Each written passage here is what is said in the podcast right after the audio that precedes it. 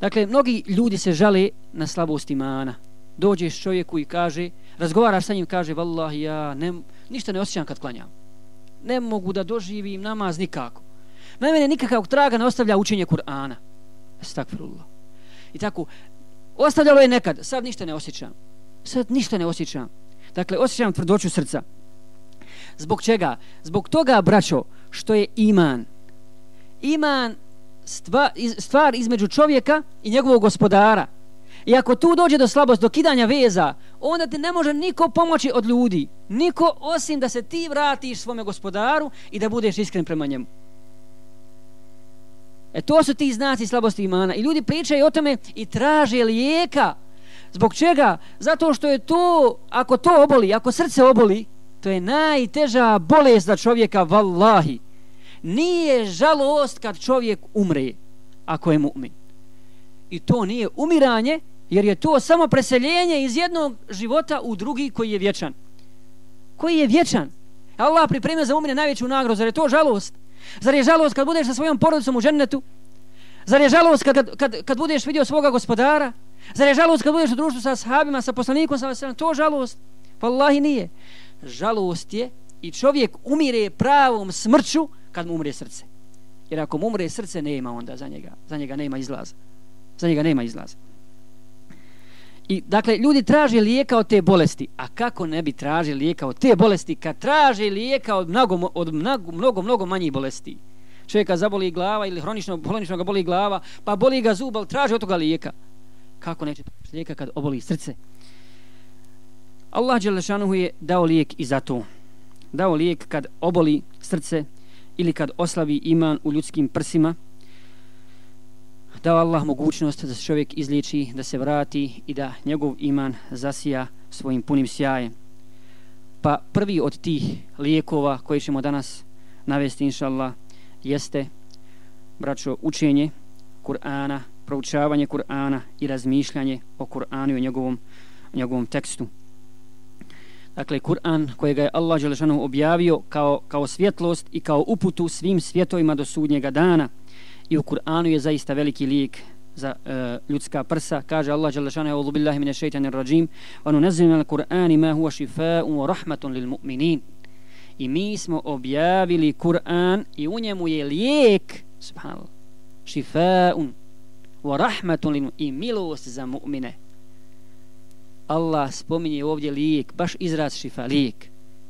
I zaista je veliki lijek u Kur'anu i učenju Kur'ana druga stvar i drugi lijek vezan za povećanje imana i za vraćanje svjetlosti u ljudska srca preko imana jeste razmišljanje o Allahovoj veličini njegovim svojstvima i njegovim lijepim imenima zaista je braćo, ovo jedan od velikih lijekova od veliki razmišljanja o gospodaru svjetova razmišljanje o njegovoj veličini razmišljanje o svojstvima njegovim, razmišljanje o njegovoj moći, razmišljanje o kazni, razmišljanje o nagradi, razmišljanje i tako dalje. To povećava, vallahi, iman. I ne može ništa te vratiti osim to. Ponekad. Ne možete vratiti u stvar, da ti kaže, zaista pogled. Pa Allah je stvorio nebesa i zemlju. Allah je stvorio čovjeka. Pa razmišljaj samo o, o, o sebi. Razmišljaj kako je Allah stvorio čovjeka i kako ga je kako je udahnuo od, od, od svoga kako je udahnuo od svoga duha u čovjeka pa kad nestane te duše kako čovjek postane obično obično truplo kako čovjek postane obična lešina nema nikakve vrijednosti razmišljaj o veličini Allaha Đelešanu. treći lijek koji ćemo spomenuti jeste traženje šarijatskog znanja braćo na ovo posebno trebamo skrenuti pažnju jer Allah Đelešanu u Kur'anu kaže fa'lam ennehu la ilaha illa Allah fa'lam ennehu. Znaj da nema drugog Boga osim Allaha. Znanje. Moraš znat, spoznat da nema, bez toga nema ništa. Bez toga nema istinskog jekina, bez, bez toga nema imana i čvrstog ubjeđenja u Allaha Đelešanu i u sudnji dan. Dakle, znanje je osnov za spoznaju Allaha Đalešanuhu i za obožavanje samo njega jedinog gospodara i to je sa znanjem se povećava povećava strahopoštovanje. Šta kaže Allah dželle Innama yakhsha Allahu min ibadihi ulama. Allaha se najviše boje učeni ljudi. Najviše se Allaha boje učeni ljudi koji znaju islam. Koji, ili Allah kaže, nisu isti oni koji znaju, oni koji ne znaju. Znači, u običnom životu nisu isti oni koji znaju i koji ne znaju. A šta mislite, zar su isti oni ko, čovjek koji zna? Čovjek koji zna da je ovaj život kratak. Spoznaje to, vidi na osnovu Kur'ana. Čovjek koji zna kakva ga kazna čeka u kaburu ako ne bude, kakav, kakav mu sibet, kakva fitna u kaburu. Čovjek koji zna šta je stajanje na sudnjem danu. Čovjek koji zna kako priže džehennemska vatra na osnovu Kur'ana i hadisa. Čovjek koji zna veličinu Allaha Đalešanu, koji zna ljep, ljepotu i milost Allahu vezano za džennet. Zar je on isti kao onaj koji to ne zna? Wallahi, kod čovjeka koji nema spoznaju i koji tvoj, svoje grudi ne izgrađuje na ovim osnovama, nema ništa. Ako je kod čovjeka skršeno u prsima to, taj odnos prema gospodaru, ako on to ne osjeća, niti može biti moralan, niti se može potvrditi kao čovjek, kao ličnost. Wallahi, ne može. Da je završio sve škole. Da je, onaj ko ne zna svoga gospodara, on je džahil i on je najveći, najveći nepismenjaković. Zato su upitali jedan put Ahmeda ibn Hanbala za čovjeka, za čovjeka koji puno čita hadise.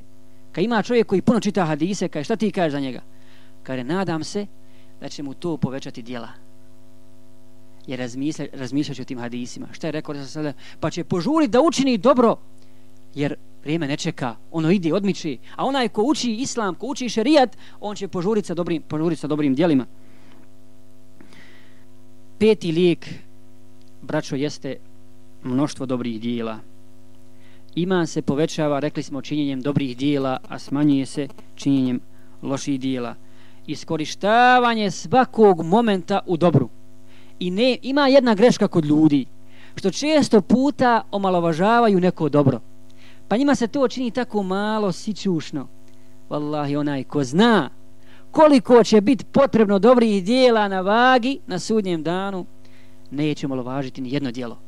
i iskoristit će da uradi što god može više dobra. Makar bilo i malo. Dalje vrlo je bitno ustrajavati braću u dobru i trudi se da se što više tog dobra uradi. Samo ne treba pretjerivati u ibadetu. Kada Resul sallallahu alaihi ve Šta znači pretjerivanje u ibadetu? Čovjek sebi zada, čovjek sebi zada da, da, da, čini, da svaku večer ustaje noćni namaz i da klanja po, po 13 rekiata. Pa ne ustraje na tome. Pa ne ustraje na tome. To nije dobro. To nije dobro nego radi, čini dobro koliko možeš i koliko znaš da sigurno na tome možeš ustrajati. I još nešto što je vrlo bitno. Čovjek stalno mora strahovati, a isto vrijeme nadati se. Hoće li njegovo djelo biti primjeno ili neće? Wallahi, nek činiš dobro. Nek činiš dobro, ne budi siguran da će biti primjeno kod Allaha. Ne budi siguran.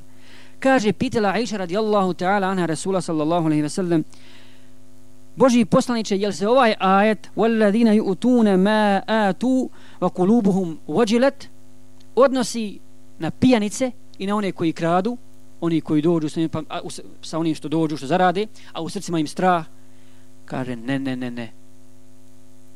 To je, taj ajet se odnosi na klanjače, na postače, na one koji dijeli zekat sadako, na one koji se bore na Allahom putu, a strahuju od Allaha, Đelešan, hoće li im biti primljeno djelo ili neće hoće Allah primit ili neće primit. Jer mi ne znamo to, zavisi od našega nijete, zavisi od... jer često puta, haj, nađi mi dijelo čovječe, nađi mi dijelo za koje 100% si sigurno će biti primljeno kod Allaha. Ima li roba na zemlji da kaže, e, uradio sam to sigurno u ime Allaha i sto posto će biti na vagi dobri djela na sudnjem danu. Može li to iko reći? Allahi, nema, nema takvog. Sljedeći lijek za povećanje imana i vraćanje svjetla u prsa jeste dobrovoljni ibadet. Dobrovoljni ibadet. Allah Đelešanu je zadužio ljude sa farzovima. Sa farzovima i kaže u hadisi kuciju ničim mi se moj rob ne može približiti kao sa onim čime sam ga zadužio. A moj rob mi se približava stalno s nafilama. Dokle? Subhanallah. Ovo je velika pouka za nas i mudrost. I blagodat koji treba da iskoristimo. Na filama se približava dok ga ja ne zavolim. Dakle, na file su put da te zavoli gospodar svjetova. A kaže, kada ga ja zavolim, ja postajem njegov sluh kojim, gleda, kojim čuje, njegov vid kojim vidi, njegove ruke kojima, kojima dodiruje, njegove noge kojima ide. Šta to znači? Allah Đelešanu bdije i čuva takvog roba i neće taj nikad slušat ono što ne valja, neće gledat ništa ono što je Allah zabranio. Neće svojom rukom dodirnuti haram. Neće svojom nogom kročiti na put harama i tako dalje. Dakle na filama se insan približava Allahu Đelešanu sve dotle do ga Allah Đelešanu ne zavoli. Jer pogledajte što, kad je u pitanju na fila. Koliko na fila čovjek može da klanja? Recimo između, izutra između, između sabaha i podne vallahi je veliko vrijeme. Puno je vremena između sabaha i podne čovjek ne klanja ništa. Da čovjek nikad, nikako ne padne Allahu na seđu pa je Resul sallallahu sallam klanjao duha namaz tada. Duha, da se ne bi prekidala ta veza, da se ne bi prekidala ta nit. Dva rekata, četiri rekata, šest rekata. Ne možeš nikako, možeš dva rekata. Uzmeš abdest, klanjaš dva rekata. Samo se ne prekida veza, to povećava iman. To čisti dušu, daje snagu daje, daje, daje polet, polet čovjeku jer kako su god raznovrsni ibadeti braćo Resul sallallahu alaihi ve sellem nas je obavijestio da su raznovrsna isto tako i vrata dženneta. Pa kaže nema niko od vas ko podijeli sadaku podijeli nešto na Allahovom putu da neće biti dozvan sa vrata dženneta i kaza ovo je hajr, ovo je dobro, upozorit će se i reče onaj ko je bio od ehlu salata, koji, koji ko je klanio namaz, bit će pozvan u džennet sa vrata namaza. Ko je činio džihad, bit će pozvan sa vrata džihada. Ko je dijelio zekat, bit će pozvan sa vrata zekata. Ko je postio u ime Allaha Đalešanu, ne samo Rama, nego i na file, bit će pozvan sa vrata koja se zove Rajjan, sa vrata za postače i tako dalje. Žalio se jedan put jedan čovjek Resulu sallallahu alaihi sallam tvrdoću srca. Pogledajte savjete Rasula sa alaihi tom čovjeku. Kaže, Boži poslaniće, ogrubi mi srce, tvrdo je. Kaže Resul sallallahu sallam, znaš kako će se omekšati srce? Kaže, kako?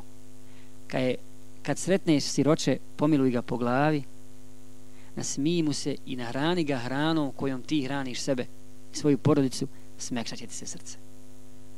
Dakle, mnoštvo je, mnoštvo je dobrih dijela i dobrovoljnih ibadeta s kojima čovjek može da povrati svjetlo u svoja prsa i da poveća svoj iman. Sljedeći lijek od slabosti imana i slavljenja imana jeste, braćo, strah od lošeg završetka. Strah od lošeg završetka. Šta to znači? Čovjek čini dobra djela, čini dobra djela pa posustane pa ostavi sve to batali vrati se u džahilijet u kojem je bio. Ne uzubila vrati se u kufru u kojem je bio. I tako izgubi i ovaj i onaj svijet. A radio se, trudio se, rekao vidi ga maša Allah pogledaj kako, ili radi dalje dobra djela, ali mu je loš nijet nije očistio svoj nijet. Kaže kad Allah Đelešanu upozorava vjene kaže, ja joj hledam amenu takulla haqqa tukati vola tamu tunne illa ventu muslimun. O vjenici bojte se Allaha i ne umirite kao muslimani neka vas smrt ne dočeka drugačije osim na islamu na potpunoj pokornosti na islamu prema Allahu Đelešanuhu to je veliko upozorenje za mu'mine evo dokaza kaže ima uh, hadis Resulullah s.a.v. mi smo ga jedan put objašnjavali a samo ćemo kraj njegov objasniti kaže Resulullah s.a.v. čovjek čini dijelo stanovnika dženneta Stanovni, dijelo stanovnika dženneta sve dotle dok između njega i dženneta ne bude kolik kolik pedalj pa ga pretekne knjiga i ode u džehennem. Šta znači to? Čini dijelo stanovnika dženneta, pedalj ga razdaje od dženneta, pa ga pretekne knjiga i ode u džehennem. Jedan kaže od ljudi se žestoko borio, pa su ashabi, borio se na Allahom putu, ubio ljude, ubio mušrike, sjekao im glave, pa su rekli kao ovo je danas najhrabriji. I njega čeka džennet kaže Resul sallallahu alaihi ve sellem, ovo pa je stanovnik vatri. Pa jednog od ashaba to zainter zainteresovalo i pratio ga je. Na kraju je taj čovjek, kad mu je došlo zlo, kad je i njega dotakla strijela i kad viš nije mogo ništa, uzeo koplje i sam sebe ubio. Pa je ovaj ashab poletio, potrčao Resulu sallallahu alaihi ve sellem da kaže ashhadu an la ilaha illa allah ashhadu anna već izgovori šehadet al opet govor kaže zbog čega to kaže istina je što si rekao za onog čovjeka borio se tako mi rekli da je stanovnika dženeta ti kažeš stanovnik džehennema, stanovnik vatre. Pa šta je uradio? Kad je sam je sebe ubio. Pa kaže su sallallahu alejhi ve sellem, čovjek čini djelo stanovnika dženeta dok ne bude iz njega na pedalj, pa ga pretekne knjiga. Ili čini djelo stanovnika džehennema, čini djelo koje vodi u vatru, pa dok ne bude između njega i džehennema kolik pedalj, pa ga pretekne knjiga. Pa ga pretekne knjiga. I uđe u džennet. Kaže jedan od mušičkih vođa iz jednog plemena, borio se protiv islama, protiv poslanika, sallallahu alejhi ve sellem, najžešći, najžešćom borbom.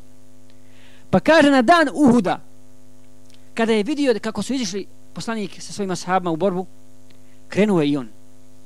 I kad su vidjeli šta su, on je bio mušičko, vođa mušičke vojske iz jednog plemena. Kad je vidio šta su uradili ashabi, kako su poletili za ratnim plijenom i onda je Halid ibn Velid uradio to što je uradio, porazimo, onda je on izišao i borio se protiv mušrika, borio se žestoko dok ga nisu svega izranjavali i pao je, pa su mu prišli njegovi i kažu, pa kaj ti si bio na našoj strani, ti se borio, pogledaj šta sad radiš. Kaj, ne, ne, ne, ne, ja sam na strani istine. Ja sam na strani, od danas na strani poslanika, sallallahu alaihi wasallam, i poselamite ga od mene i recite da ja priznajem Allaha za gospodara i njega za poslanika. I umro je. I otišli su ovijesli poslanika, sallallahu alaihi wasallam, u njegovom slučaju, pa kaže su, sallallahu alaihi wasallam, čovjek čini dijelo stanovnika džehennema, dok između njega džehennema ne bude koliko pedalj, pa ga pretekne knjiga. Dakle, bio je iskren, iskreno prihvatio istinu i Allah džahanu ga zbog iskrenosti nagradio, nagradio džennetom.